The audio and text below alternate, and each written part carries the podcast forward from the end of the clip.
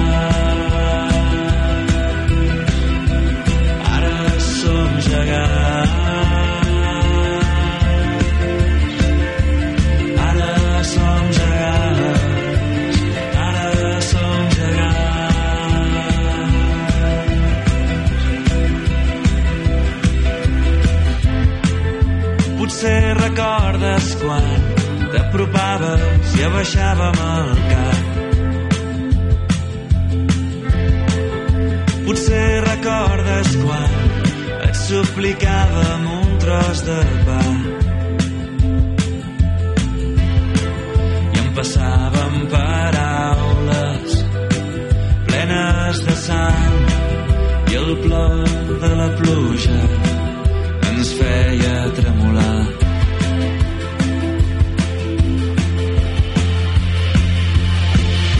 I vist des d'aquí dalt ets un satèl·lit que es va allunyant ets una nota que s'apaga ets un record que ja no fa mal. I vist des d'aquí dalt ets un satèl·lit que es va allunyar. ets una nota que s'apaga. Ets un record que ja no fa mal serà. Ara som gegants.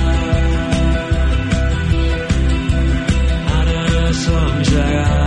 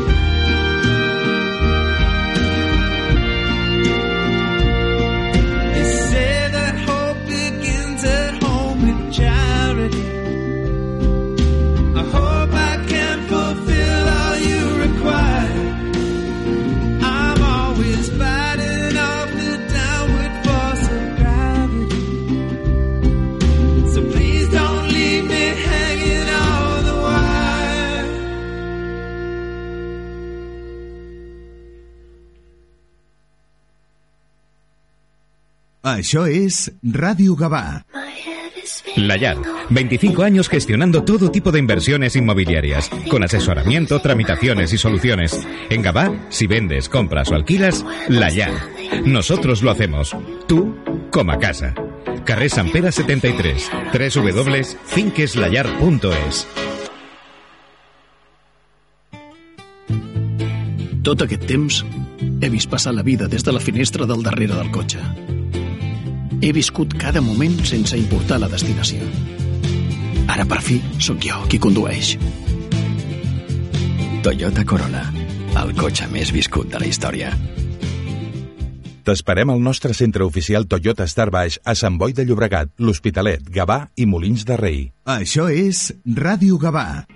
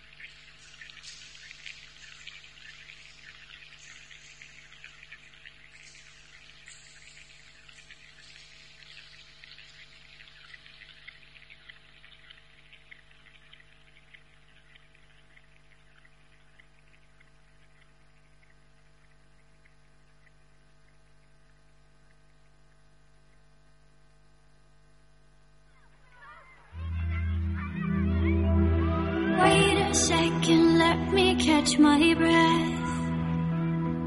Remind me how it feels to hear your voice.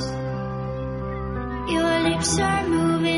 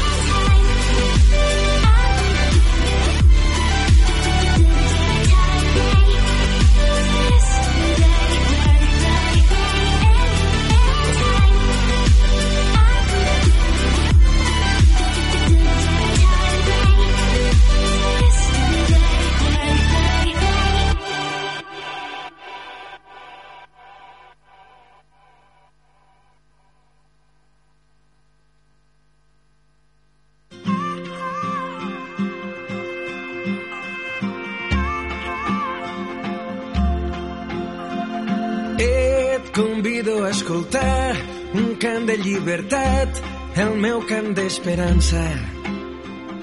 Pels que un dia van marxar, pels que encara han de néixer. Un antic missatge arriba dintre d'una ampolla al port. Ens saluda i ens avisa que vindran dies millors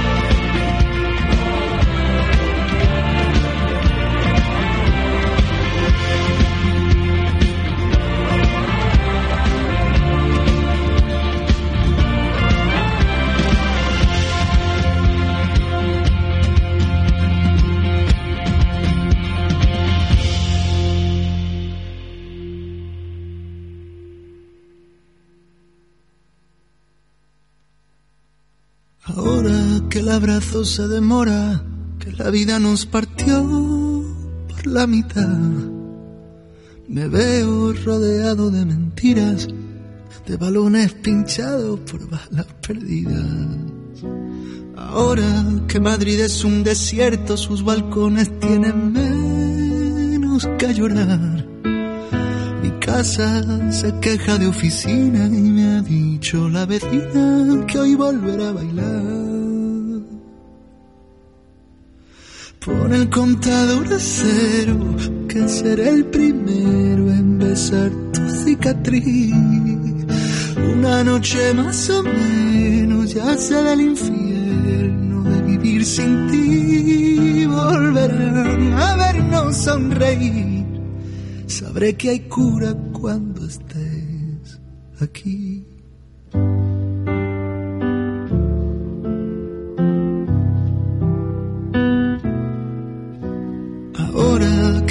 Está de moda, el presente nos obliga a recordar. Intento borrarme los errores, como en la lista de calmantes que comprar. Ahora que detrás de cada mueca escondemos el temor de poder soñar. Amores desnudos de correas asoman por la verja de nuestra libertad. Contador a cero, que seré el primero en besar tu cicatriz. Una noche más o menos ya sé del infierno de vivir sin ti. Volverán a vernos sonreír. Sabré que hay cura cuando estés aquí.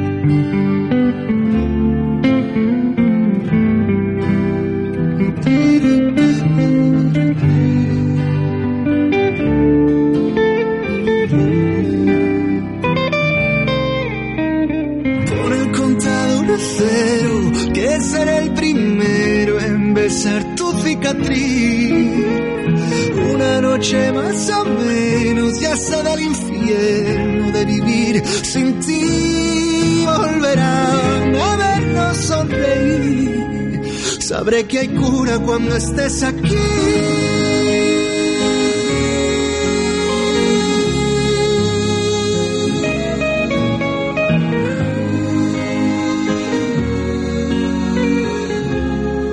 Sabré que hay cura cuando estés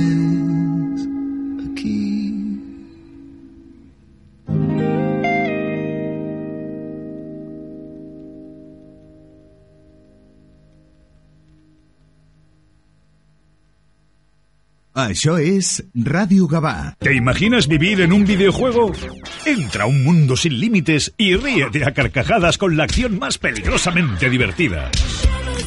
Esta semana disfruta del mejor cine en Cinesa con Free Guy. Consulta cines, horarios y calificaciones en cinesa.es. Este verano, tu destino es Cinesa. Per més estrany que sonés fa anys connectar el teu negoci a internet, va ser la decisió més intel·ligent.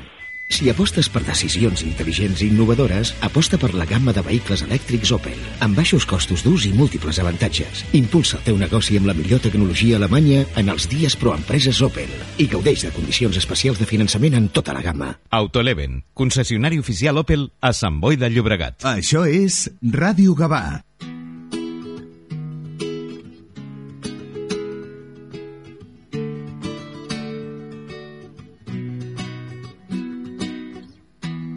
me voy sin equipaje. Me he perdido tantas veces en el viaje. No contestaré mensajes. Y hace tiempo que me hace falta el coraje. Ya no sé si te odio, si te quiero. Déjame que quiero seguir viviendo me voy hasta luego. ¿Será que ya no nos echamos tan de menos? Se nos secó el.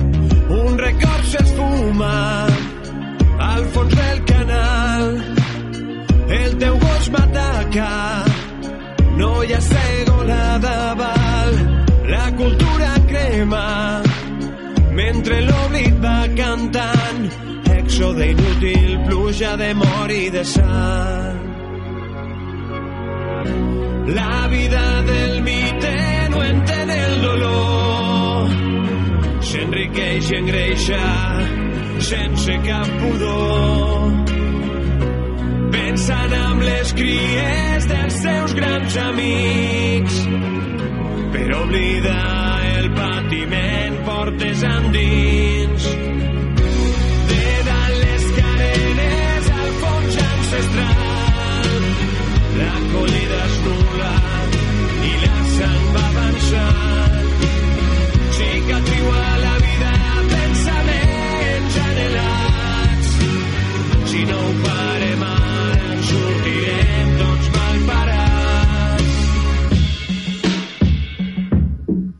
Els vells llaguts solquen entre ribes i cors.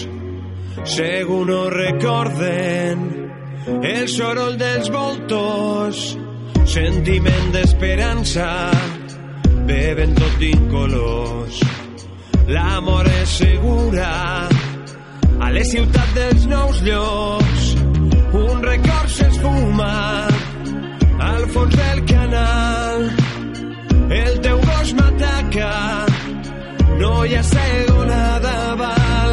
La cultura crema mentre l'oblit va cantant. Èxode inútil, pluja de mort i de sang. La vida del mite no entén el dolor. S'enriqueix i engreixa sense cap pudor. Pensant amb les cries dels seus grans amics. Per oblidar el patiment portes endins. De dalt les carenes al fons ancestral. La collida és nul·la i la sang va avançar. Cicatriu a la vida, pensaments anhelats. Si no ho parem ara, en sortirem, doncs, tots mal parat.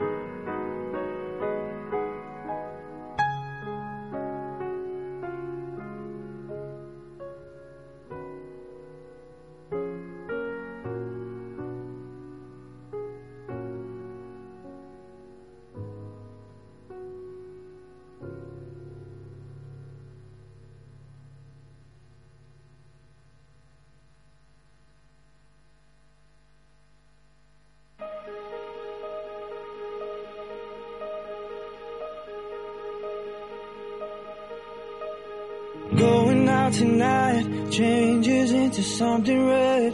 Her mother doesn't like that kind of dress. Everything she never had, she's showing off.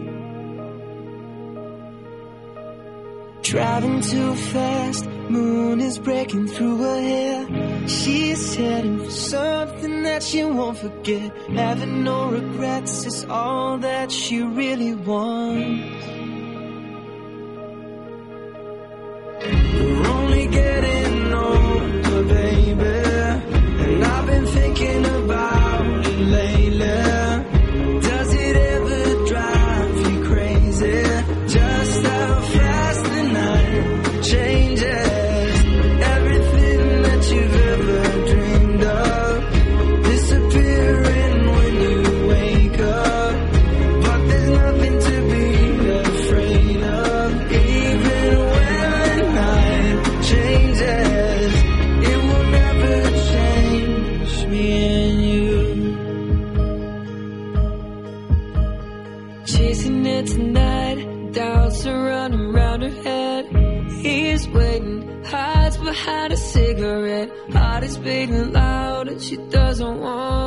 stars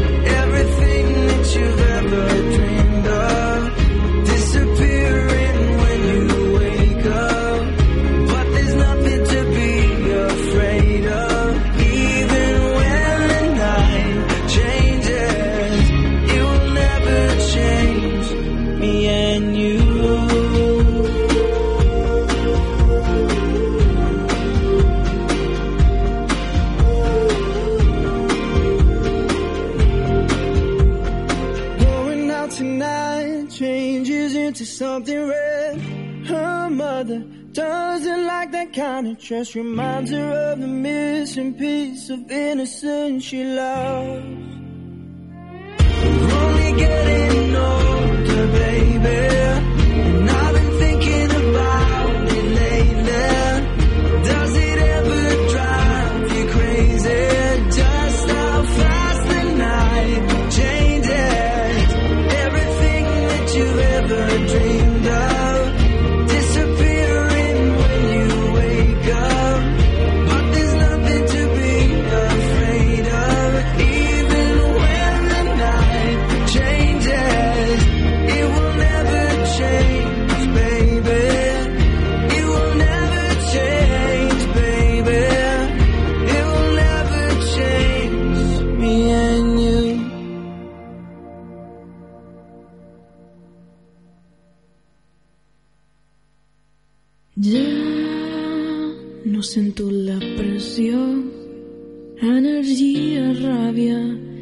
tot tu món.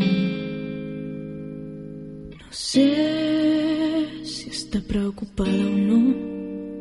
Podria ser simple felicitat i prou.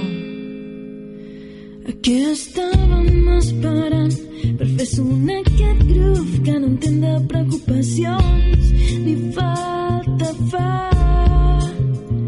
Aquí estàvem esperant per seguir la inèrcia que arrossega el teu cap.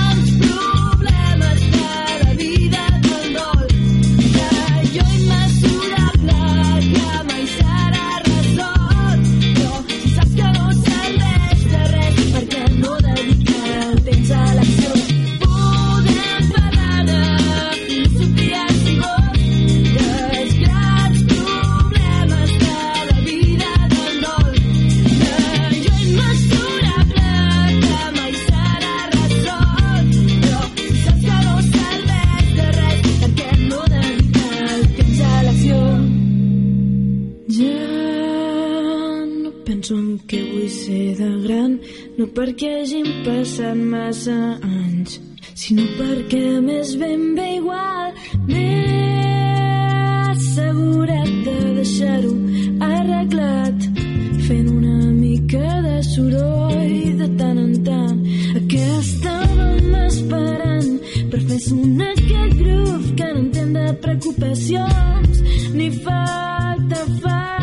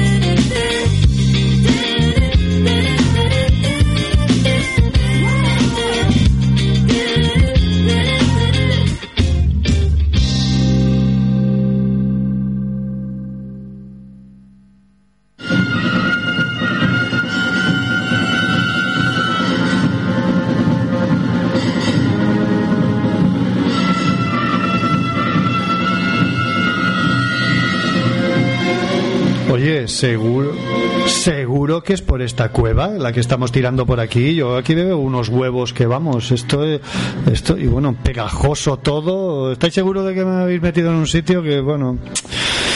Muy buenos días y bienvenidos una vez más a esta edición refrito del Quinto Fantástico. Eh, martes 17 nos encontramos ante un uno de los refritos que me lo pasé, pero teta, como diría aquel, con nuestro, nuestro amigo Luis de, de Universo Alien, con Tudela, con Sofía, lo pasamos espectacular, repasando las películas, hablando de ellas, de los cómics. Pues Tudela, mm, no nos dejó indiferente Tudela, y espero tenerlo una vez más, una, alguna vez más, tenerlo otra vez aquí en el programa, porque fue espectacular, ¿no? Este programa me hace mucha ilusión ponerlo porque fue el último antes del golpetazo de la pandemia, ¿no?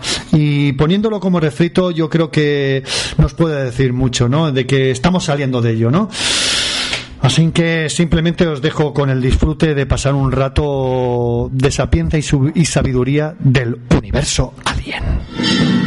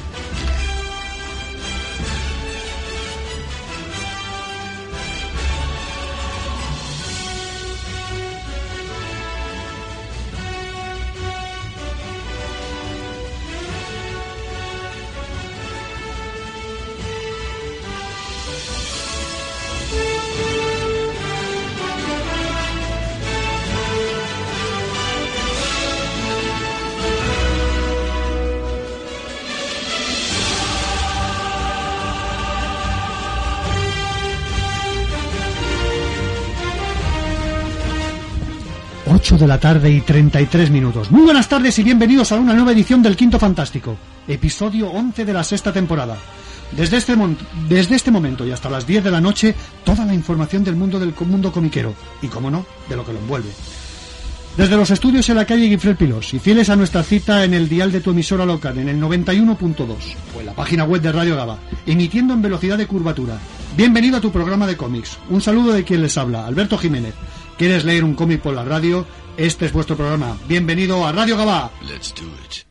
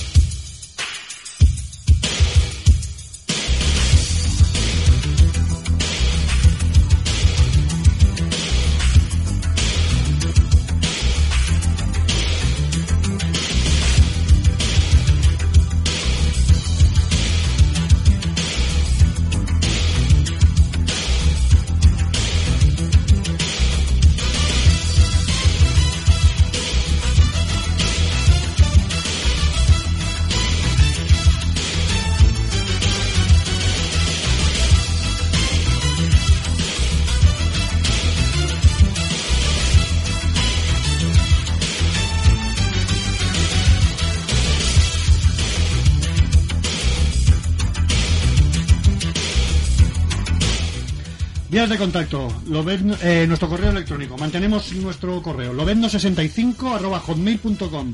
En Twitter, eh, arroba el quinto fantástico para tener las últimas noticias comiqueras y compartir información con otros amigos y programan, programas que nos unen la misma pasión. En Facebook, ya sabéis, no me podéis encontrar por Alberto Jiménez, ahí tendréis algo más, es- mm, algo más extensa en historia y demás. En definitiva, actualidad comiquera. Y tendremos una línea abierta por si queréis comentar ah, hoy con las personas que tenemos aquí en el estudio. Nuestro teléfono de la emisora es el 936620080. 936620080.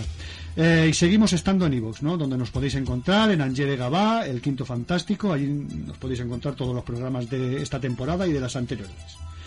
Y cómo no, saludar a quien nos dirige, quien intenta que todo salga a la perfección. Y esperemos que no lo devore ningún xenomorfo, ¿no? Hoy nuestro Carlos Llanes al, nuestro Carlos Llanes al mando del Nostromo. Muy buenas tardes, Carlas.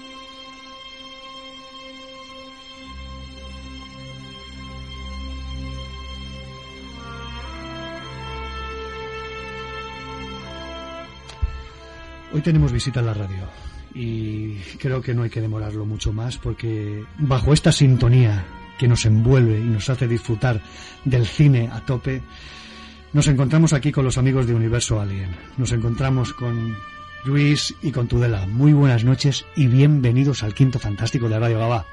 Buenas noches. Hola, buenas noches, buenas noches.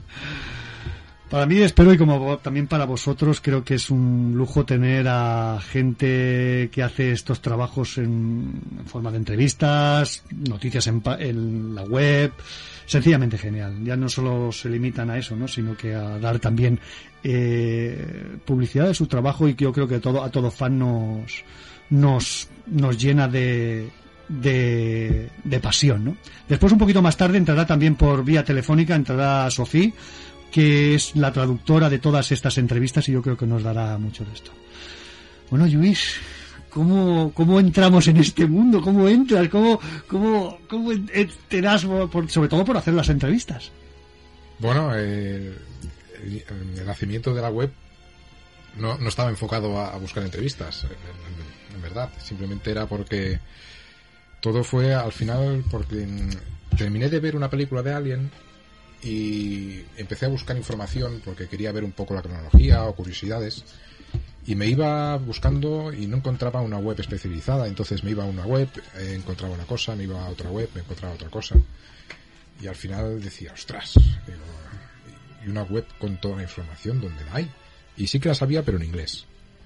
Y entonces dije va pues mira me haré un blog y, y lo juntaré todo allí me conocí a la gente que me dijo que un blog haz una web y dije, ah, pues venga. Y hicimos la web. Nació la web hace un par de años.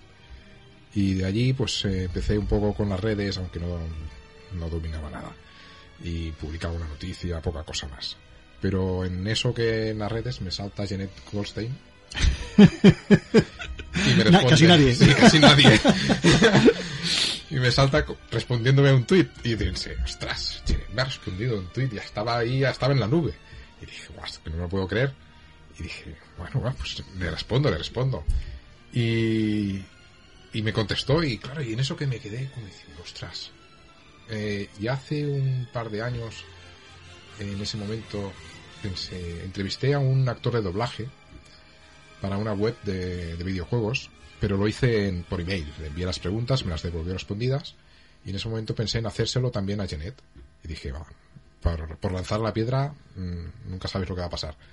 Le envié un mensaje diciendo, oye, te- ¿qué te parece de que te haga una entrevista? Así, te envío las preguntas sin problema, luego me las respondes. Y ella, sí, sí, sin problema. Y además me dijo, y además hablo en español, o sea que no te preocupes. Pero, claro, yo en inglés no, no, no lo domino. Y le iba diciendo, mira, es que como uso el traductor, eh, pues si algo no entiendes, que, no, que sepas de qué va, ¿no? Y le envié las preguntas y me responde y me dice, mira Luis, que es que no tengo tiempo. No tengo tiempo de, de- de responderte las preguntas, hacerte ahí todo un Word de... Y me dije, me dice, oye, ¿te parece que me llames y, y te hago, te contesto? Y yo pensando, no llamo, pues a ver, a ver, a ver, espérate, que me llames. digo, bueno, digo, una llamada la vi demasiado fría. Entonces le dije, oye, si prefieres que te llame, ¿qué te parece hacerlo por webcam? A mí me dijo, fantástico. Digo, venga, va. Lo programamos, hice, me conecté con ella a través de webcam, ya, en ese momento yo ya estaba en las nubes. Ya estaba, diciendo, no me lo puedo creer. Y encima en español. Sí, sí, es que encima... Encima en español, y decías, bueno, es- su, su español es, es más latino, porque allí es donde predomina más ese acento, pero vamos, que es que podía entenderla todo lo que decía. Y de ahí pues dije, bueno, pues cuando terminé la entrevista, que dije, pues voy a seguir con los demás. Digo, si he conseguido una, ¿por qué no puedo conseguir más? Y a partir de ahí empecé a picar piedra hasta que salió todo lo que me ha salido hasta ahora. que lo iremos desgranando poco a poco. Tudela, jefe de las redes. Yo, por un momento, cuando me.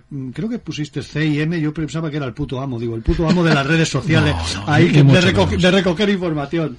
No, ahora simplemente recoger información. Ahora hay que partir de una base, ¿vale?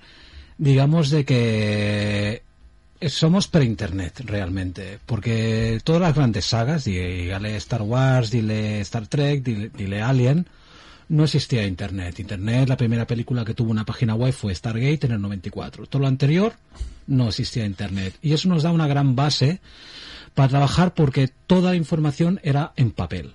Todo era en papel, revistas, fanzines, entrevistas, ah, lo ubica- las tarjetas publicitarias en los cines, los programas de mano, y eso es una fuente de, de información mucho más incluso fidelina que Internet, porque Internet no deja de ser un- como una espada, puedes cogerla por el filo o por el mango. Entonces Internet, la gente escribe mucho, pero no tiene mucha idea. Siempre que nosotros vamos a publicar algo, buscamos mm, varias referencias sobre el mismo tema. No porque alguien diga, mira, ¿qué pasó esto? Hicieron esto. Vale, pasó esto, hicieron esto. Buscamos otras fuentes pa- para informarnos de que ese tema o esa curiosidad sea cierta. Entonces, mm, ¿a qué viene todo esto? El pre-internet es quizá la mejor forma de estar informado, porque todo queda en revistas. Y era todo eh, entrevistas. Te he traído unos ejemplos. Eran entrevistas a los actores, con lo cual coges palabras directamente de ellos, coges anécdotas que directamente te explica cualquier actor en, en su entrevista. Entonces es simplemente eso, puede ir- irte informando. Yo permíteme hacer un pequeño. Ahora, cuando después, acabemos el programa, eh, para todos los oyentes y demás, eh, haremos una foto, nos haremos una foto con, con Luis y con, y con Tudela. Eh, fijaros en la camiseta que lleva Luis y sobre todo fijaros en la camisa, en la camisa que lleva Tudela. Es, bueno, mm, yo quiero que la, la veáis ahí porque es impresionante. De Alien, el, el octavo pasajero ahí. Mm, Y mucho menos. La- una camisa. Es que, Claro, no, pero ve, he visto ahí el USS, en- en- U- U- CSS Nostromo. Increíble, increíble. Es, es buenísima. Oye, ¿cuál es tu primer contacto en, en, en Alien? Cuando dices, ostras, esta, esta película, est- esto me llama. Era un niño pequeño, no recuerdo la edad, igual tenía... Porque vosotros, ¿qué edad tenéis? Perdona. 40. 40. 40 y muchos. Vale. Corremos un tupido velo. Sí. Mis canas me delatan. vale, vale, dime, dime. Pues era un niño, no recuerdo exactamente la edad, igual tenía cuatro, seis o ocho años, no lo recuerdo exactamente. Y en el centro cívico del barrio, pues hacían pases gratuitos de, de películas. Lo típico cine de barrio, pero gratuito. Y mi hermana, pues fuimos para allá, va a hacer una del espacio. Ah, pues vamos, una del espacio. Y sale acojonado. y a partir de ahí, pues... Y Luis, ¿cuál fue tu primer impacto con Alien? Sería con Alien, ¿no? Seguro. Con Alien, con la primera. Mm. Eh, sobre todo porque mi padre era muy fan, es muy fan de la ciencia ficción, y entonces cada dos por tres eh, nos vamos en casa y películas de ciencia ficción a más no poder, pero la que más vi más veces fue la primera de Alien. No te puedo decir porque no recuerdo si llegué a asustarme, yo creo que no, porque ya de pequeño siempre me gustaban las de terror y de y de historias paranoicas y Alien fue la que más me cautivó de todas las que llegué a ver. Y desde entonces no ha sido siempre para mí un referente. Yo volviendo, eh, que hablabais sobre todo a, la, entrevista que hicisteis en el Salón de Cines y Series a Janet Golter y Mark Roston, que bueno, fue genial, es encantadora, yo lo- la recomiendo. Precisamente la dimos aquí también en Radio Gabá, recortamos y la dimos con su sostenimiento, por supuesto, porque fue una entrevista muy rica y muy, que nos explicaba cosas.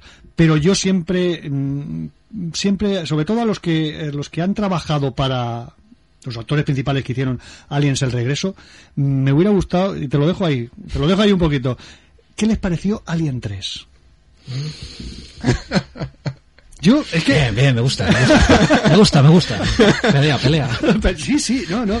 Es que sí que es verdad. Pues Esta es precisamente la anécdota que os contaba antes, ¿no?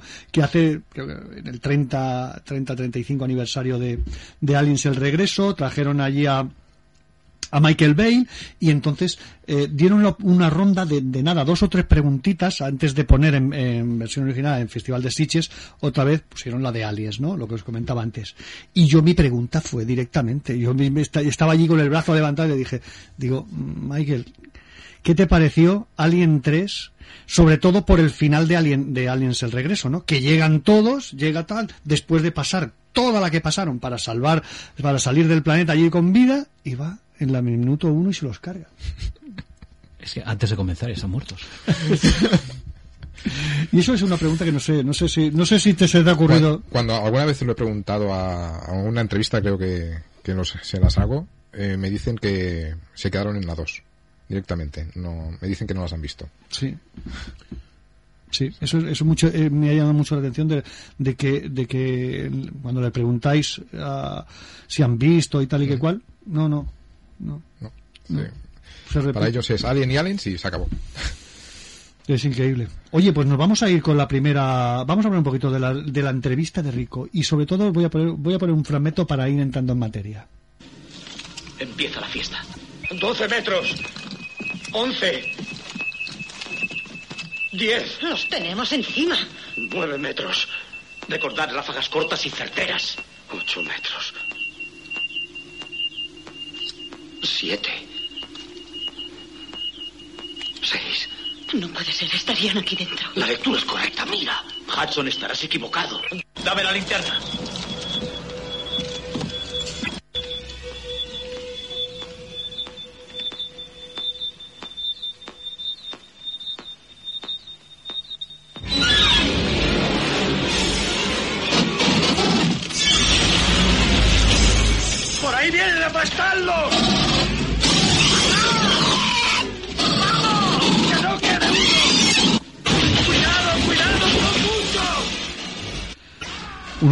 Claves de Aliens el regreso. Y bueno, y se nos une, se nos une también a, a la tertulia, no podía faltar.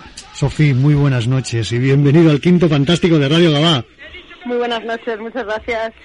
¿Qué tal? ¿Cómo estás? Muy bien, muy bien. Genial, genial. Yo era un- precisamente hablándolo con Luis, creo que es una de las partes de las más importantes de, bueno, y él, sobre todo él la, ha- la ha valorado, y la gente sobre todo que, que, que os escucha, eh, el tener un, una entrevistadora, entrevistadora, perdón, una traductora, eh, dinámica y como tú, pues es muchísimo, vaya. Y fan. Y fan. Muy importante, fan. Muchas gracias. Bueno, yo creo que la parte más importante, obviamente, la hace, la hace Luis, porque el trabajo que hace y, y la constancia y las ganas y, y que no desfallece ante un no y cosas así, yo creo que es lo que, lo que da vida a todo esto. Su empeño, vaya. Exacto. A, a ver, aquí, aquí tienes más tú que yo, ¿eh? No, no, no. Perdona, tú, Vera, tú nos habías dicho que nos ibas a comentar algo. Sí, simplemente lo que has comentado antes sobre la pole, bueno, sobre Alien 2, Alien 3. Curioso de que Alien Blomman, eh, en el fallido intento de rodar Alien 5, iba a hacerlo a partir de Alien 2. Se iba a saltar la 3 y Resurrection. Ahí lo tienes. Para darle un poco de leña al fuego. para, para darle un poco de ventaja, pero yo defiendo Alien 3. ¿Tú defiendes Alien 3? Por ¿Sí? supuesto. Bueno, bueno, habrá, eh, tendremos ahí un poquito. Yo, yo te digo, bueno, a ver, seguro vayamos avanzando, vamos a ver, a ver cómo llegamos. Y bueno, oye, bueno, pues mira, nos encontramos con la primera entrevista, que sobre todo la de Rico Ross, ¿no? Hay que decir que el, yo para mí el tío los tuvo cuadrados, ¿no? Sobre todo por, aparte de que físicamente, el tío se deja ver, físicamente el tío está súper, súper bien, bien cuidado. Y sobre todo, digo lo de cuadrados porque eh, elegir entre Kubrick y Cameron, y Cameron, perdón, es muy difícil, ¿eh, Luis? es que yo, yo no sabía esa historia de que él, el de que él estaba con la chaqueta, de que estaba con la chaqueta metálica, que Kubrick le había dado también un papel y, y que estaba ahí con Cam- con- Sí, sí. vamos, es increíble. si Es una tenía... elección complicada. Sí, tú como, tú como lo ves, Sofía. Pues, eh, a ver, si yo me tuviera que poner en su piel, sería muy complicado. Yo eh, la verdad es que eh, hacer todas estas entrevistas, todas las historias que nos cuentan, es lo que tú dices, impacta. Y yo no te sabría decir qué me parece la elección, porque me parece muy difícil. Dificilísima. Dificilísima y sobre todo por y encima con dos películas con un peso como la chaqueta metálica- y Aliens el regreso no oye Luis cómo contactáis con Rico Ross a través os viene ya por por lo de Janet o, No, eh, fue gracias a Mark Rolston. Ostras, qué bueno. Sí, cuando entrevistamos a Mark, después de la entrevista, mm, tengo mucha. sigo manteniendo relación con él. Tenemos ya como una especie de amistad. qué bueno madre mía qué envidia No, no lo llegué a pensar que pasaría algo así. Y, y en, una, en una de esas pues le comenté, oye, me, estoy intentando contactar con otros actores y no consigo. ¿Tú me puedes echar un cable? Y el tío, pues lo que hace es darme su teléfono. Yo digo, a ver, yo no me des el teléfono, por Dios, que yo cómo voy a llamar. Hola, ¿qué haces? Y nada, y, y entonces me pasó su correo electrónico, le envié un email y me contestó. Y a partir de ahí ya pues eh, pudimos eh, hacer la entrevista. es, es- es, eh, vamos, es, es genial. Es que hay que destacar que realmente los actores eh, que, que ha ido entrevistando son, son gente bastante accesible y sencilla. Muchas veces, por ejemplo, en Twitter, la Ca- Carrie Hem, la que interpretó a Newt, nos retuitea muchas veces. Hostia, qué bueno. Y em, son más accesibles, no están dentro del, del estrellato, no son inaccesibles. Puede ser, es difícil llegar hasta ellos, porque como decía Sofía, Luis tiene que hacer un trabajo impresionante para poder a llegar a conseguir el contacto directo con ellos. A través de representantes, de llamadas, email, no te contestan, vuelve a insistir, el pesado este, ¿qué quieres? ¿De dónde has salido? nen? ¿España? ¿Dónde está España? ¿Dónde está España? Sí, lo típico. Entonces, ha tenido que picar muchísima piedra para irlo consiguiendo. Y una vez accedes a ellos, a que te reconocen como, mira, es un desgraciado de tal puesto, pero es un fan, es un buen, es una buena persona. Se muestran muy accesibles, son muy abiertos. A pesar de que la mayoría de ellos ah, no continúan su carrera cinema. mm, Acabó su carrera cinematográfica poco después. Por ejemplo, Janet Goldstone acabó diseñando y vendiendo sostenes para mujeres de talla grande. Yo creo que lo comentó en el... Newt, Newt fue su primer y último papel. Acabó siendo profesora de, de- de escuela de- de críos. Son gente bastante accesible. Sí, no, porque están me- bastante alejados del estrellato. Ahí tiene un papel bastante difícil, sobre todo Sofía, porque quieras que no, hacer un poquito a veces de intermediario entre la persona que te, entre- en- te- que entrevistas y la persona, en este caso el entrevistador, que es Luis, eh, hacer un poquito de caliú, que yo creo que se yo creo que lo consigue Sofía, porque hacer ese pequeño feeling al principio es muy frío, pero después te vas dando cuenta que jaja, jiji, hay una anécdota, hay esto, a ver si me pasas. Yo creo que ahí te tengo que dar de 10, ¿no? Pues, Sofía, porque lo, lo consigues, ese, ese, ese feeling, vaya. Muchísimas gracias. Pero bueno, eso, todos los que habéis visto las entrevistas veréis que mm, Luis es una persona que es muy carismática y yo soy una persona que soy- yo soy emocionada por, por así en regla gener- general. Y mm, yo creo que hacemos muy bien tándem. Es, es lo que comentaba antes. Sofía sobre todo es fan. Entonces ellos lo notan. Ellos saben perfectamente diferenciar cuando una persona eh, me toca hacer una entrevista a este. ¿Quién es este? Me informo, vale. Tal, tal, tal, tal, tal.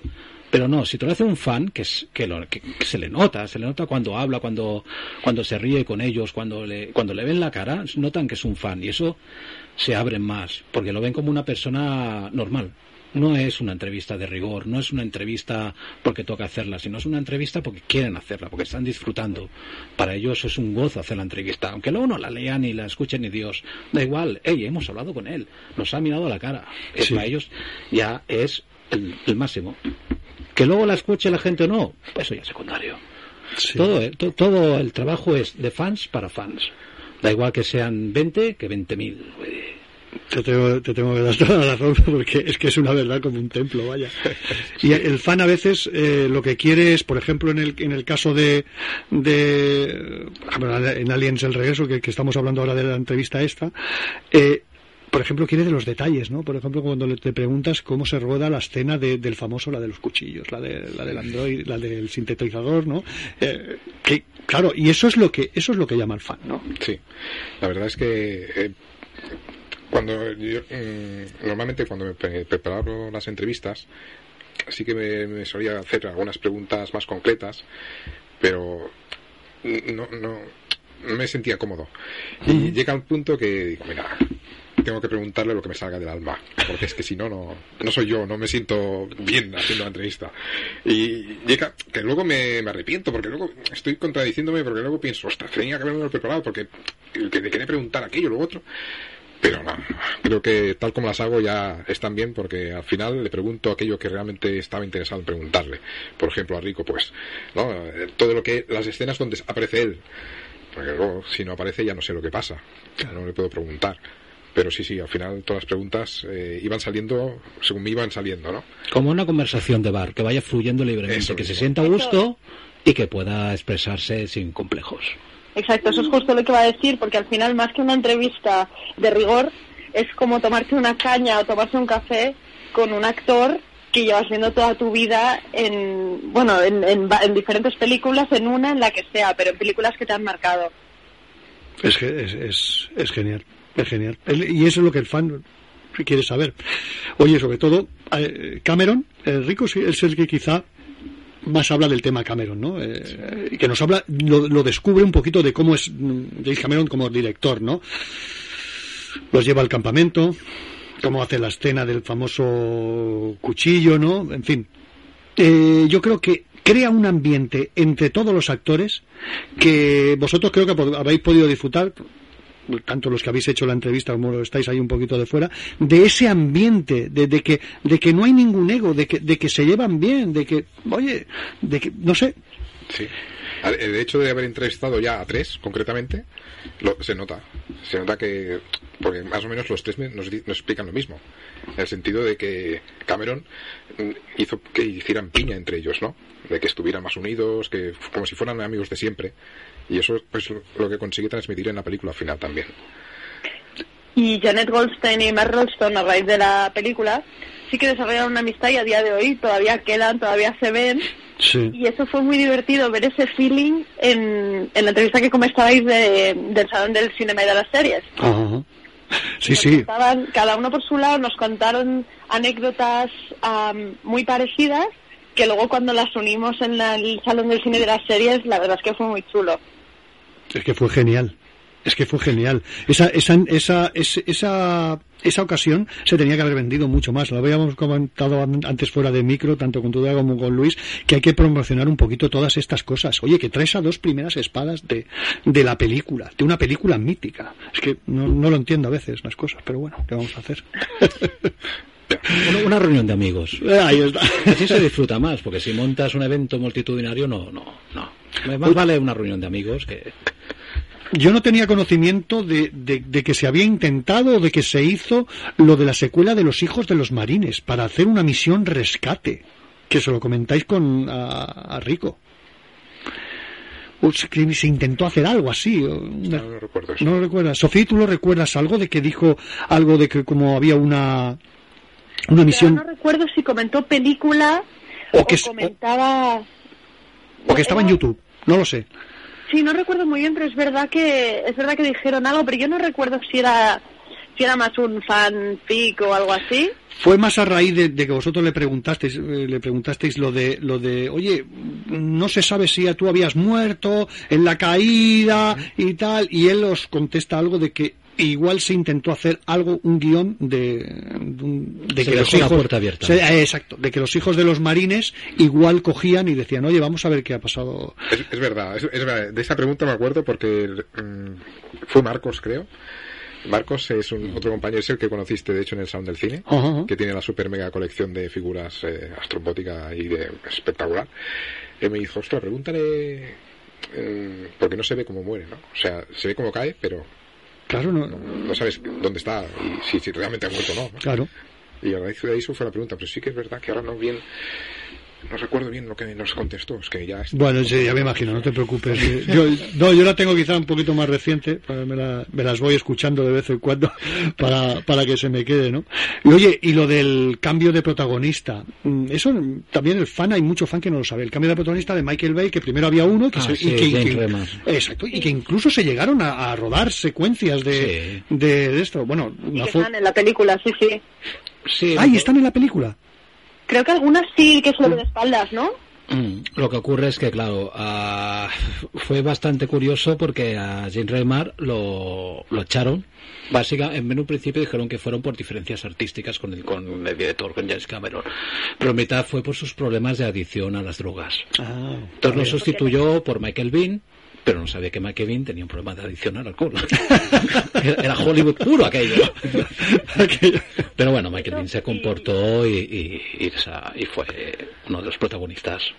Luis, corrígeme si me equivoco, pero creo que también tenía no solo problemas de adicción, sino que tenía vetado el pasaporte. Exacto, eso, es lo- eso nos lo explicó Mark. Sí. Mal Roston. Sí. Y no podía ir a los estudios de Londres a, a grabar todas las escenas que había que hacer allí. Alguna tendría, seguro. Es verdad, ahí alguna se dio. Ostras, qué bueno, qué bueno. Oye, vamos a escuchar, ya que la yo, bueno, yo bueno, voy a recomendar todas al final, ¿no? Pero vamos a escuchar ahora una sintonía, sobre todo de, de Rico. Movement. What's the position? Uh, can't lock in. Talk to me, Hudson. Uh, multiple signals. They're closing. Go to infrared, people. Look sharp. What's happening, Apone? Can't see anything in here. Pull your team out, Gorman.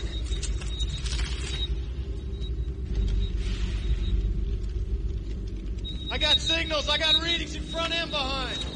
Where, man? I don't see shit. He's right. There's nothing back here. Look, I'm telling you, there's something moving and it ain't us.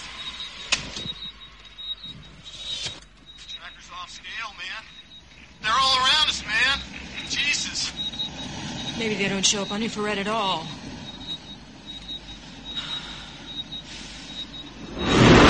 Ah!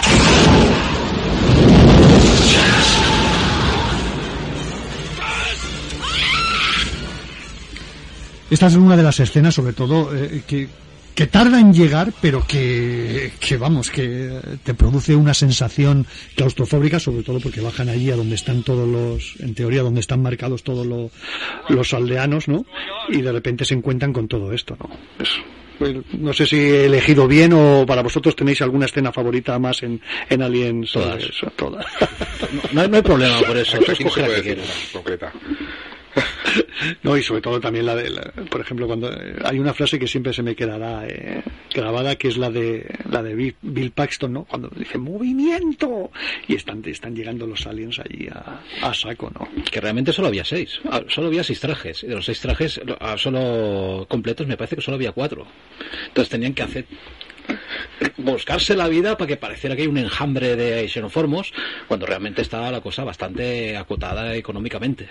Igual que las cabinas de hibernación, eh, se ven 12, pero solo había 6. Pusieron un espejo para que pareciera que, que hubiera el doble. Eh, el cine. Lo que era el cine antes, Sí, trucos, sí, trucos, sí, pero trucos de verdad, trucos que veías y te los querías, no es el, como el CGI de ahora.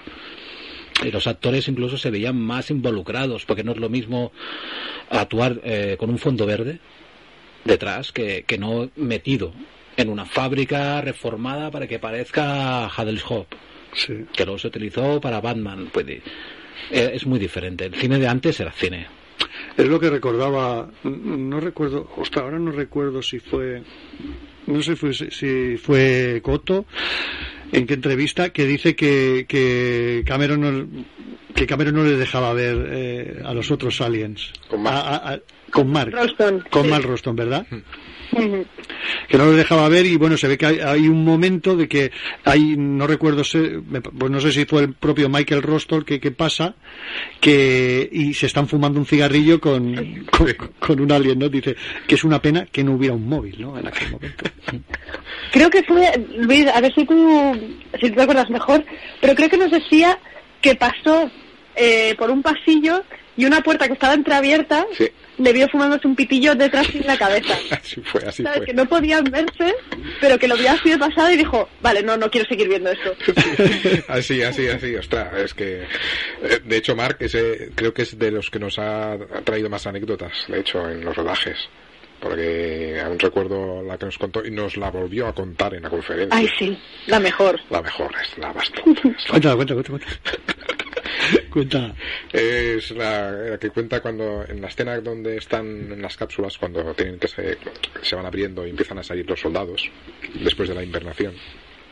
Pues allí estaban haciendo un descanso. Y Matt tenía al lado a Sigourney Weaver. Y claro, era un. contaba que era un repetir, un repetir la escena una y otra vez. Claro, llega un punto pues que estás ahí sudoso, ¿no? Y tal, y cansado. Y, y él, él, deja- él dice, ¿no? Eh, ostras, qué calor, tal, no sé qué. Y. No, ¿cómo era? Era lo de los sobacos de la Sigourney. Sí. estoy Sí. viendo. Algo relacionado con los pelos. sí, porque- Era que Sigue, sigue, sigue, Sofía. no estaban repitiendo la escena muchas veces y, y ya cuando lo que dice Luis, cuando están súper cansados y hasta las narices, por algún motivo Sigourney tenía el brazo levantado Eso. Y le dice, y, mira a se señala la axila y dice, aquí no tengo mucho pelo. Pero se señala en la entrepierna y dice, pero aquí... Bueno, e- en Alien al final se, se puede ver claramente que la cosa tenía pelo. Sí, sí, sí, sí, sí. Yo eso es, es una mm, es una de las entrevistas que sería genial hacerla a, la Weber, tremendo. Y no sé si vive, a, mí es un personaje también que, que, que me llama mucho la atención, aparte de por la interpretación de, que hizo en, en el regreso, ya como actor, es Larry el que hace de sintetizoide. Ah, sí, sí, está vivo. No lo he dicho bien. Lance, Sí. Lance- Lance Henriksen. Eh, Henriksen. Está- está dejando la cara de- Es que he hecho, Henriksen. Es que he hecho un poco, he hecho una chiquito, El he año, hecho el un año chiquito. pasado estuvo en un congreso en Alemania. Sí, se mueve, se mueve y todavía tiene, aunque a pesar de que ya tiene una edad bastante avanzada, se mueve. Lance, tengo su teléfono. Ostras, tío, pues ya estás tardando, macho. Pues ya estás tardando, porque es un personaje, pero aparte ya no por el personaje del sintetizoide, sino también por todo el, el, el, el bagaje como actor que ha tenido, ¿no? Sí. De hecho, claro, eh, eh, si te digo que me tengo el teléfono, ya sabrás quién me lo ha dado, ¿no? Sí, sí, sí, sí, ya me lo imagino. Eh, nada, eh, me dio luego su email. De momento Lance no, no me contesta porque el, el único email que lo gestiona su, Su agencia. su agenda, su agente, exacto. Y ya me dijo Mark que era muy duro. Hombre, yo creo que, eh, claro, es un actor que todavía está, yo creo que está en cartel. es un está en actor- activo. Está en cartel. Y bueno, Mark Ralston y, y Coto, eh, los, ah, no, Coto no, perdón, eh, Rico Ross y Mark Ralston, los dos siguen haciendo películas. Sí, Y, y aún así la verdad es que fueron co- lo mismo que decía tú de la de Janet Goldstein y, y bueno y, y, y de Newt que todavía no lo hemos entrevistado que al final han dejado la carrera y parece que son más accesibles pero Rico Ross y Mark Ralston la verdad es que han sido súper súper majos Sí, sí, bueno. Es, es increíble el- de la manera, yo, sé- yo vamos, me he quedado, ya te digo, al principio un poquito frío, pero después vas- ves que vas cogiendo y van entrando y, vamos, como una charla con un fan. Y de Newt, pues de aquí a unos meses habrá una entrevista cara a cara. Hasta ahí podemos decir. Vamos, vamos a correr un tupido, pero esperemos que el quinto fantástico, esperemos que tengamos la primicia en el quinto fantástico, ¿eh? Solamente te, pido eso. Oye, otra cosa, eh, Simone Weber, John Hart, Jaffe Cotto, Tom Sherry, Verónica Cartwright, Henry Dean Stanton, Ian Hall, reparto increíble de, de Allen. Yo creo que hasta que hasta que no han pasado todos estos años nunca se, se habrá valorado este reparto, este super reparto, este, este- este- vamos, genial, ¿no? Y de- coger a uno de ellos, como es Jacket Cotto, yo creo, aparte de lo peculiar, de lo peculiar que, que es. Voy a empezar con Sofía, si no os importa. Sofía, ¿te costó mucho darte tanta vuelta para que hablara el tío de la película en vez de los ovnis? Madre mía, es que no, era yo venía a hablar de mi libro, literalmente. Y, pero la verdad es que quien haya visto la entrevista lo sabrá, pero para los que no, eh, decidió no hablar de Alien y decidió hablar de sus propios aliens. Es una entrevista muy interesante, muy divertida, pero es verdad que daba vueltas por mucho que le intentábamos enfocar a, a hablar de la película, no había manera. Él quería contarnos eh, sus experiencias reales eh, con los aliens. Y de hecho nos avisó que como, como habíamos estado en contacto con él, éramos mucho más... em, Propensos a tener... Exacto. Contactos con entidades y sobrenaturales. que le avisásemos si eso ocurría. Es que de hecho, de hecho, una de las preguntas que, que tenía yo para vosotros es que, por favor, cuando las tengáis, avisarme, porque mm, según dice él, le tenéis que avisar a él también. Yo, avisarme a mí también, por favor. A mí me ha sido un grano. No, pero aparte, pero, pero bueno, yo creo que es lo que comentaba con Luis, ¿no? Que, le sabéis dar y venga y venga y venga y ahí picar sobre piedra, picar sobre piedra, pues al final la, la conseguís. Y sobre todo, Luis, ¿cómo, os viene para hacer la, el, cómo os viene para hacer, para tener el contacto de, es un actorazo, un actorazo, uno que ha hecho de malo en James Bond, es que no es cualquiera. Vamos. No, no. Mira, eh, fue porque, claro, yo- cuando intento buscar actores para que poder conseguir entrevistas, primero intento hacerlo de la forma más fácil, que es a través de las redes sociales. Eh, algunos tienen sus propias webs, mm, algunos intento desde un actor pues que me facilite el contacto de otro actor, pero Jafet recuerdo que mm, descubrí que tenía Facebook y dije, ostras, con el Facebook se pueden enviar mensajes. Le envié un mensaje, no me contestó. A cabo de unas semanas volví a enviar otro mensaje. Yo, soy muy persistente, o sea, no, no cedo. O sea, todos los, los que iría entrevistando llevo meses enviándoles mensajes, eso que lo sepan. y en estas, pues que me contesta, pero no me contestó Jafet. Me contesta un tal Mirasol. Mirasol. Pues Mira- el nombre, Mirasol, sí. Pues el nombre parece español, ¿no? Bueno, estaba escondido en Filipinas. ya Claro, ves. es que Y estaba en en Filipinas. Filipinas hubo mucho, desde mucha descendencia española y apellidos. Vale, vale. Y claro, me contesta y me dice, bueno, es posible, mm, lo hablaré con Jafet y, y me dirá algo. Pensaba, "Mm, vale. Y se quedó ahí. Y al cabo de un par de meses me contesta. Y dije, ostras. Y me contesta diciendo, mira, que sí, que, que concederá la entrevista. No me lo puedo creer. ¿Y qué he hecho? pues encantadísimo. Y nada, intentamos organizarlo. Era un poco complicado, sobre todo por el horario, porque con los de Estados Unidos era diferente, porque los Estados Unidos digamos que normalmente las hago por la noche y para ellos es la tarde. Con Jafet era al contrario, porque tenía, digamos, la franja horaria era la contraria, al ser Filipinas eh, era di- diferente, entonces nos costó un poco coordinar un poco la, la hora. Que al final lo conseguimos, Sofía. lo, lo recuerdas, ¿no? Sí, sí. Te mantuvo ahí con café despierta. Sí, porque la hicimos a, que la hicimos a las 9 de la mañana. mañana, ¿no? Sí. A las 9 de la mañana hicimos. Bueno, un buen desayuno y ya está, ¿no? Eso no hay problema. No, no, pero bueno, que al final, eh, acostumbrados a hacerla por las noches, que es cuando tenemos más, más tiempo libre, pues a intentar coordinarlo por la mañana se nos, se nos complica un poco más. Pero bueno, al final lo un sábado, ¿no? ¿Y un sábado fue al final? No me acuerdo, pero era era difícil eh, por, porque al final esto lo hacemos eh, en nuestro tiempo libre a nivel personal. Y, y claro, coordinar eso con el trabajo, pues a veces nos cuesta encontrar el punto o nos proponen hacerlo a las 11 de la noche. Las entrevistas duran pues una hora y pico y entre que se conectan y todo, pues acabamos tarde. Ya ves. Oye, una, una pregunta. ¿Habéis visto la serie esta de Art de Madrid? No. tiene nada que ver con el tema, pero mm, bueno, sí que tiene que ver porque yo me quedé un poco parado porque resulta que había estado con Eva Garner eh, rodando aquí en España. Y a Coto. Digo, ostras. Digo, este es, no sale, es, de Madrid es una historia así un poquito, pero bueno, sale Eva Garner, un personaje y demás. Y yo digo, y claro, lo tenía muy reciente porque he visto la serie eh, esa, ¿no?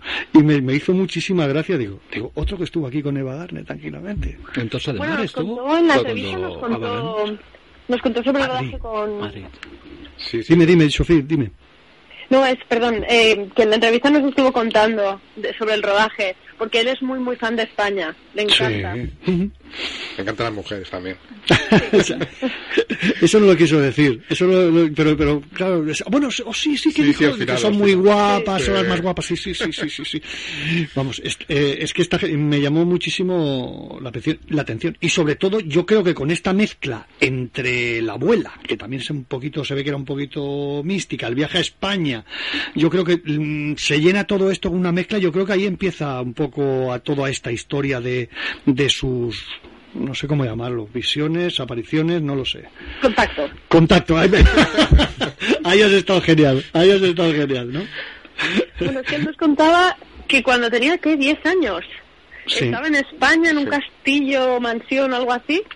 Y tuvo el primer contacto, que era una nube negra en forma de círculo que estaba sobre la casa. Sí, sí. Brutal. Es que- Pero a mí, a mí quizá lo que más me llama la atención es la forma de que, de que, de que se, bueno, que- conoce a su mujer y después el guion de Alien, ¿no? Las dos cosas. Sin destripar así un poquito de- para que la gente pueda ver la entrevista. con- con Luis, tú dices. Bueno, eh, la entrevista, a ver, no tiene mucha información sobre lo que fue su experiencia en el rodaje, porque para él, al final, era- fue muy frío. O sea, cuando conseguía sacarle algo de información, para él era un trabajo, fue un trabajo. Fue allí a rodar, le dijeron, haz esto, esto, esto, y ya está.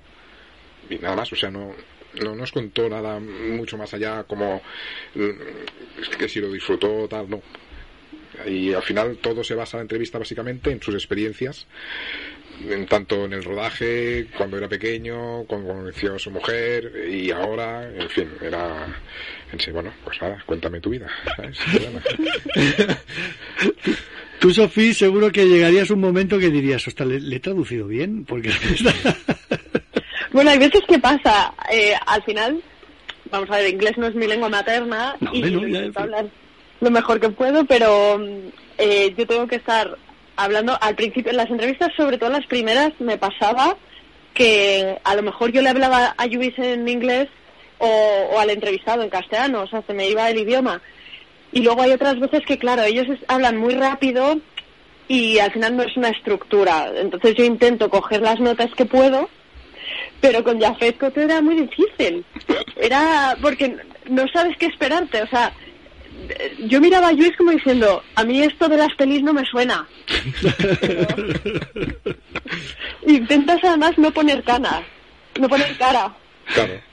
Se curtió, Sofía se curtió desde aquella entrevista que no, ya no le teme a nada. No, pero ya me lo creo, vamos, de eso, eso vamos. Y sobre todo también, otra cosa que le hablasteis del, del documental de Memory, también de cómo se rodó. Eh, no, ahí, ahí sí que estuvo, eh, quiero recordar que estuvo un poquito más entregado, ¿no? De cómo se rodó la famosa escena de John Hart, ¿no? La de la, de la La salida escena. del alien, ¿no? Sí, es verdad, esa escena sí que habló un poco. Pero bueno, al final habló de un poco lo que ya en principio muchos, eh, bueno, siempre se ha contado, ¿no? El hecho de que, que- es verdad, ahora lo recuerdo, ahora me viene a la cabeza a Sophie, eh, que le pregunté sobre lo que se decía, que Ridley Scott mantuvo en secreto a los actores eh, aquel, aquella, aquella escena, ¿no? Pero no, no fue del todo así. O sea, no, no es que lo tuvieran en secreto. Sí que sabían que pasaría algo, pero no sabían exactamente el qué. Pero Nos sí que... esperaban la explosión de sangre que les, que les iba a manchar la cara. Entonces se quedaron todos con cara de qué está pasando aquí. Que, que está reventando él- de verdad. Él nos dijo que él sí que la conocía de antemano, gracias a su contrato. A sus cont- nada.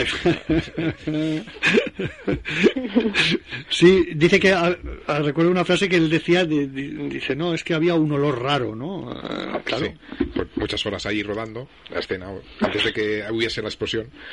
Claro, la sangre ahí se iba pudriendo al final. Y la frase, sobre todo, la, la frase final de, de, de- y precisamente de un libro que ha escrito él, ¿no? De, de- que él diga, de que él diga, no, no quiero, cuando le preguntaste y demás, ah, pues háblanos un poco de- del libro este, que seguro que tienes que contar muchas memorias y tal. Eh, de un libro que ha escrito, dice, no, no quiero hablar para que no me echen del planeta. Ahí ya vamos, Luis, no sé cómo quedaría, Luis, Sofía y Tudela, yo no sé cómo La quedaría. mejor manera de vender el libro. No puedo, explico tanto en el libro que si hablo estoy acabado. Yo lo he buscado. Yo me lo he querido leer, pero no lo he encontrado. ¿No lo has encontrado? No, ni en biblioteca ni, ni nada bueno no sé no- es que claro es- tiene que ser difícil vaya es que tampoco lo venden en su página web. O sea, su página web la verdad es que es un poco em, sencilla. Lo vamos a dejarlo así, ¿no? Sí, pero yo he buscado, a mí me gustaría leerme realmente em, las vivencias en primera persona de alguien como Yafet Koto sí contando sus encuentros. A mí me parece algo, eh, por lo menos, interesante. Sí que es verdad que cuando terminamos la entrevista, Sofi empezó a buscarlo. Recuerdo- no, no, es verdad. Y recuerdo que no, no lo encontraba y dice, pero Luis, no encuentro el libro, ¿dónde está? Es verdad, es verdad, lo recuerdo. Bueno, yo esta, a ver, de todas de, la, de todas las entrevistas que hay, cada una creo que tiene su su su qué, ¿no? Pero esta al fandom lo- se la recomiendo, pero vamos, eh, porque es que va a ser es una entrevista que entra un poquito frío, pero después vas a ir disfrutando porque es que bueno, yo, yo os la recomiendo, yo os la recomiendo y sobre todo si tenéis algún contacto con Iker Jiménez, porque yo creo que sería el, el- el- yo creo que sería el eh, vamos, es que Iker le saca jugo a, a Cotto, le saca jugo, pero, pero donde no lo hay, ¿eh? Porque es que te mezclas lo de Alien y lo, y lo de los Alien la visita, bueno, puede ser genial, ¿no? Mucho, mucho. Ahora, y quiero hacer hincapié aquí en que Sophie hizo un trabajo impecable. Sí, sí. Porque Yo en la de Jafet, si, eh, si algo hemos sacado en claro es por Luis, porque a mí me, costa- me- a mí me costaba reconducir la conversación hacia, hacia la película. Sí, ya- Me, me parecía que él quería hablar de una cosa y volver a incidir sobre lo mismo, pero claro, yo tenía que hacer de, tra- de traductora de lo que decía Luis. Entonces yo miraba a Luis y decía, ole tus narices, y lo bien que lo decía y lo bien que lo volvía a introducir. Genial, genial. Oye, vamos a escuchar un poquito, si os parece bien. Me he conseguido la, la versión, la versión de, de esto, una, dura un par de minutitos porque me parece que creo que es el colofón a, a esta pequeña coloquio sobre la entrevista de Coto. Vaya, parece que el enfermo se ha curado. ¿Cómo te encuentras? ¿Estás bien, muchacho? Bebe un poco.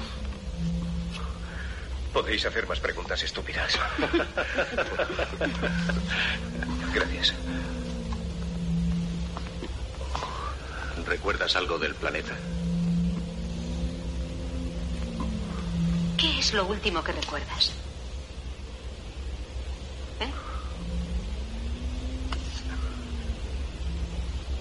Recuerdo como una horrible pesadilla de asfixia.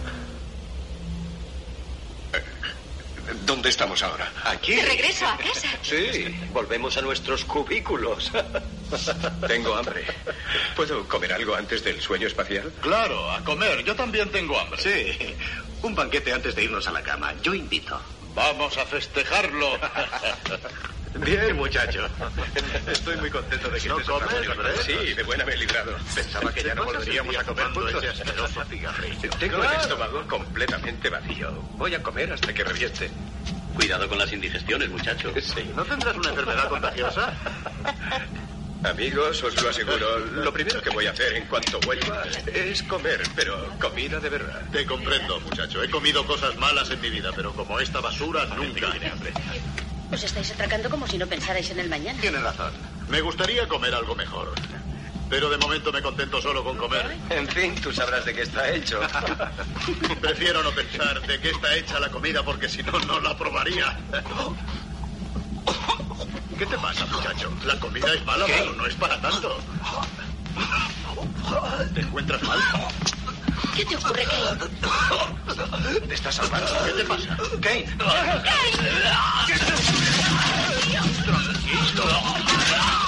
Recuerda ¡Abridle la boca rápido!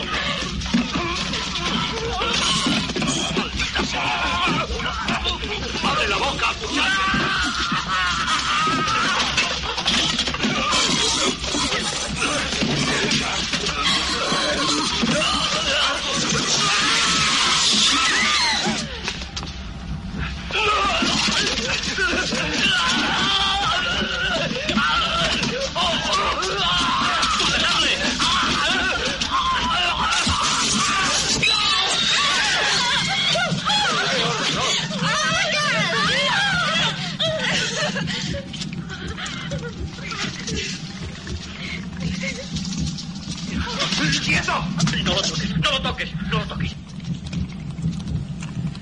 Genial escena para los anales de, de la historia del cine. De la historia del cine. Oye, otra de las entrevistas interesantes, y aparte por lo entregado y por lo... Yo no lo conocía y me he llevado una impresión genial, porque es súper sencillo, es Javier Botet, ¿no?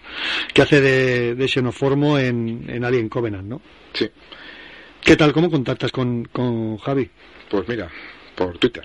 por Twitter y te responde, sí. Bueno, me respondió, a ver, cuando le envié, no sé, 20 mensajes. Recorte pega, recorte pega. Copia pega, copia pega. Pero curiosamente no hago eso, ¿eh? Curiosamente lo que hago yo para... O sea, es mi forma de hacerlo, ¿eh? No, no, no- ni nadie me ha dicho que lo haga así ni nada. Simplemente lo encuentro más sano. Envío un mensaje, como para presentarme y tal. Le dejo un tiempo. Luego vuelvo a enviar otro mensaje, pero como si ya lo hubiese leído. Y le explico otra anécdota. Mira, he entrevistado a tal. Y luego, a cabo de otra semana o todos, eh, vuelvo a enviar otro mensaje. Mira, ahora he entrevistado a este y he hecho esto y lo otro.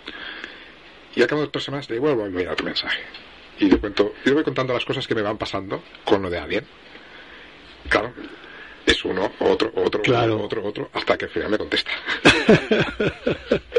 claro, yo pensaba, digo, bueno, eh, me interesaba Javier porque, claro, él, los movimientos del alien en la película Covenant son de él. Digo, bueno, una persona de aquí, de nuestro país, que ha trabajado en una película de alien, pues, oye, habrá que entrevistarlo. Y nada, me concedió una entrevista muy majo y al final conseguí... eh, Sí que con él ya tenía contacto desde hace meses. Pasa que, como estaba con trabajos, eh, se alargó un poco la entrevista y al final hicimos después de la de Jafet, creo que fue. Y la entrevista genial. Para los que no sitúen a, a Javier Botet, mm, su papel es en Rec, como la niña Medeiros, por supuesto, la madre de la terrorífica mama.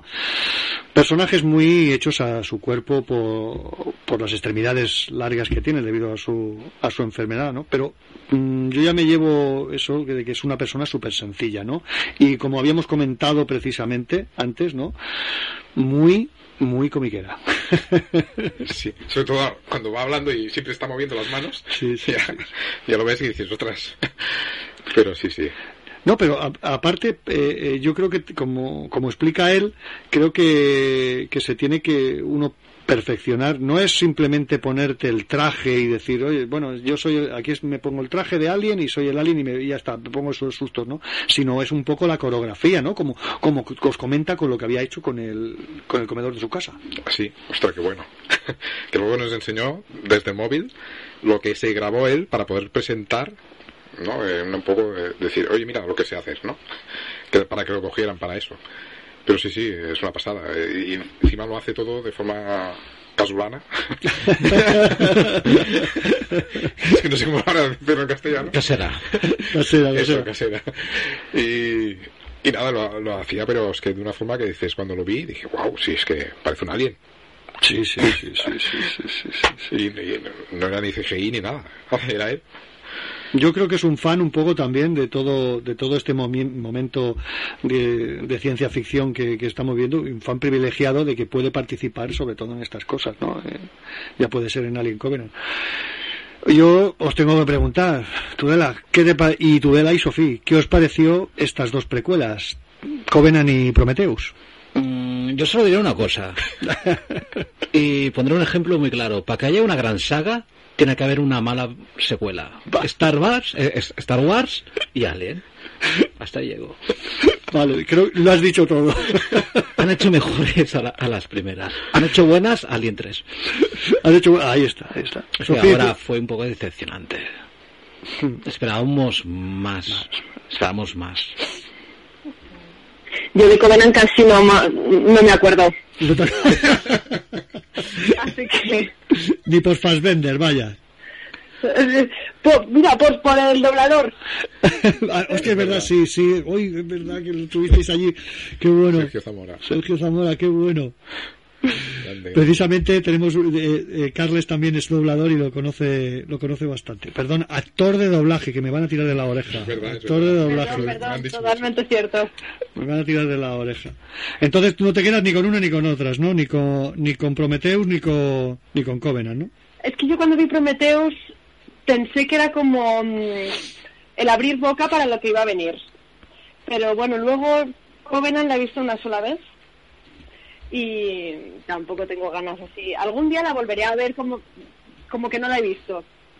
Pero, pero después de hablar con Chas de Laurisica, que es la última entrevista que hemos hecho, eh, lo que nos contaba sobre Prometheus y Covenant, yo creo que tiene toda la razón. Sí. Uy, pues eso, mira, que todavía no está publicada esa. Pero esa la tendréis que ver porque yo creo que la mejor opinión para estas dos películas es Totalmente. la de Charles de la Horífica. Porque él hace la. él- creo que recordar que ponéis que hace cinco making of de, de Sí. cinco películas de Alien, puede ser, y hace dos de Covenant, de Covenant y Prometheus, y las No, otras Solo hace de Prometheus. solo hace de Prometheus. Sí. Cinco, son seis. No ha hecho la de Covenant. En las ediciones. eh, eh, bueno, ya lo, es, es que es muy chula esta entrevista. Yo- Y hay un detalle, Venga, ponernos el enlace. ¿Qué? No, no. Ponernos los dientes, sí, sí, sí, sí, ponernos, ponernos los dientes largos, sí, sí. Lo de Blade Runner, ¿no? No sé, Alien, Blade Runner, Deja- dejarlo ahí. una relación, no sé, habrá, habrá que escucharla. Bueno, bueno, bueno, bueno, gusta. Por cierto, nadie se acuerda de Alien versus Predator. Bueno, La primera, sí. la primera muy palomitera. Sí, yo, la sí. yo la reivindico siempre. Era cine años 80, era muy palomitera. La segunda sí, un desastre total, absoluto. Carne de videoclub. Pero la primera era muy entretenida. Para pasártelo bien. Sí. Para pasártelo bien. En parte la temática, que es la que llega allí, Mm. el niño. Sí, sí, sí. sí. Y sale bicho. Sale bicho. Más, sobre todo por eso. No por nada más, vaya. Bueno, pero eh, los efectos especiales eran buenos realmente y la historia era muy entretenida. ¿Vosotros creéis que habrá una... Bueno, no sé si llam- no sé cómo llamarlo. Sexta, entre- sexta tercera entrega de esta de esta Sí, está firmada. Esta gente cuando no hace una película firma contratos por tres películas. Ya no se la juegan ni con los actores de decir, no, haces una y si luego a éxito te volveremos a llamar para que nos pidas el triple. No, tú firmas por tres películas. Que luego se hagan o no, pues ya es otro tema. o que tarden. O que tarden. Vaya tela. Lo que sí está confirmado es una serie. Una se- eso sí que no lo sabía yo. ¿Y, sabéis quién está a cargo, quién son protagonistas? ¿No Bueno, hay varias series, porque también están estudiando hacer una serie de animación de Alien vs Predator. O sea, bueno, Esto no lo sabía yo. Sí, sí. Nuestro informador de redes, Tudela, es, es increíble ahí. No, ni mucho menos. Ahora, tiene mucha cuerda que dar Alien. Solamente en el mundo del cómic ya tienes abierto unos guiones y unas historias que muchas veces me pregunto por qué los guionistas de cine no acuden al cómic. Pues tienen una, una base increíble. Y nos montan unas historias que realmente no acaban de, de enganchar a la gente. Sí. Te voy a enseñar esto último que lo y esto lo encontré en eh, es el precisamente hicimos una reseña de Aliens o órbita muerta editado editado por Norma Editorial. Yo los prefiero, pero en pesetas, no en euros. Ostras, nene, aquí tenemos oh, oh, oh, madre mía, aquí tenemos Alien Mutación edición americana, creo que es. No, esa es la ¿No? española, que está por norma. Ostras, qué bueno. Cuando Esta- todavía, cuando, cuando todavía eran pesetas. la col- las colgaremos en la las, las colgaremos después haremos foto y las colgaremos después. Es que lo que, te, lo que te comentaba al principio, que realmente como era la, e- la época pre-internet, hay mucho en papel. Que te he traído unas muestras, porque como me he pensado que te gustaría el papel viejo, toca. Ah, ahora se hace una web, pues ahora se hace una, una revista oficial de la película. ¿Qué año es esto? Esto 86. Fíjate, la revista The Official Movie Magazine. Un, bueno, la portada ya es para morirse porque es, es, es relacionada con la película Aliens El Regreso. Ahora son trailers, ahora son programas de mano.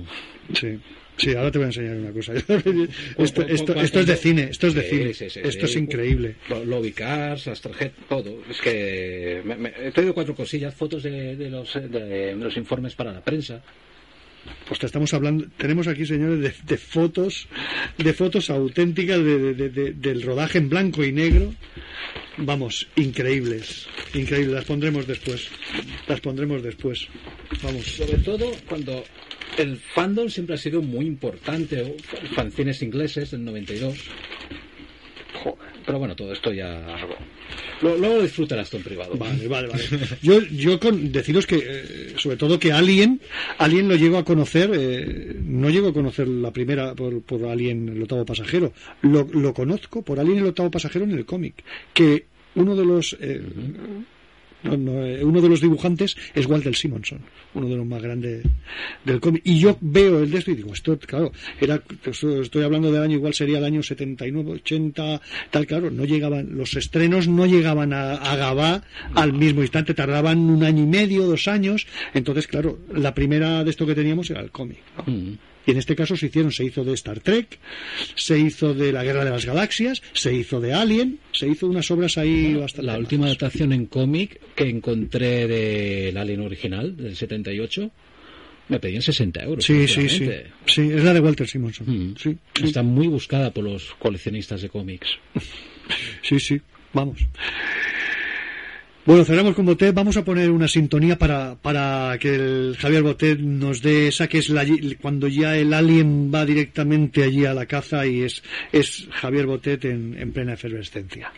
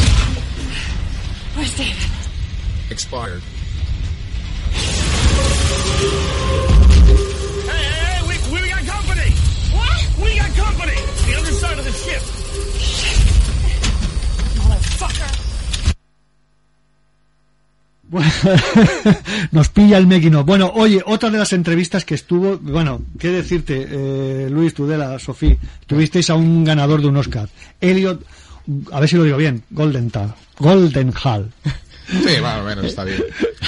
Oye, ¿qué, qué tal? Yo creo que bien, ¿no? La tra- eh, estu- el, el Elliot estuvo bastante bien, ¿no, Sofía? ¿Cómo, cómo estuvo metido? que fue sí sí estuvo muy metido le gustó mucho compartir con nosotros eh, y no todos los días puedes hablar con alguien que ha ganado un Oscar Es, por eso más, por eso más. sí sí yo creo que es el día que más nerviosos o sea pese a todo eh, es un poco lo que decía Tudela a lo mejor no están eh, como el top super de actores que no son accesibles y entonces no estás tan nervioso pero al final el ganador de un Oscar Joder. es el ganador de un Oscar y entonces estábamos y fue muy tuvimos un momento muy divertido Luis el de Austin Powers Ostras, sí. Lo, lo- lo he colgado tal cual, ¿eh? sí. pues ese nos adicionó la Wikipedia porque estábamos mirando un poco lo que había hecho y lo que para preguntarle porque tiene películas muy interesantes y nos llamó la atención entre todo su reel ver Austin Powers Vale. y, y Luis le preguntó, le dice, mira, nos ha llamado mucho la atención que, que con todo lo que haces hayas hecho Austin Powers. Y nos dijo, no, no, yo ese no he sido yo. Tenía que comer. No, no, realmente dijo que no lo había hecho, o sea, Sí, no sí. de la Wikipedia, pero Él- aquí Luis no, y yo no. tuvimos el ojo de...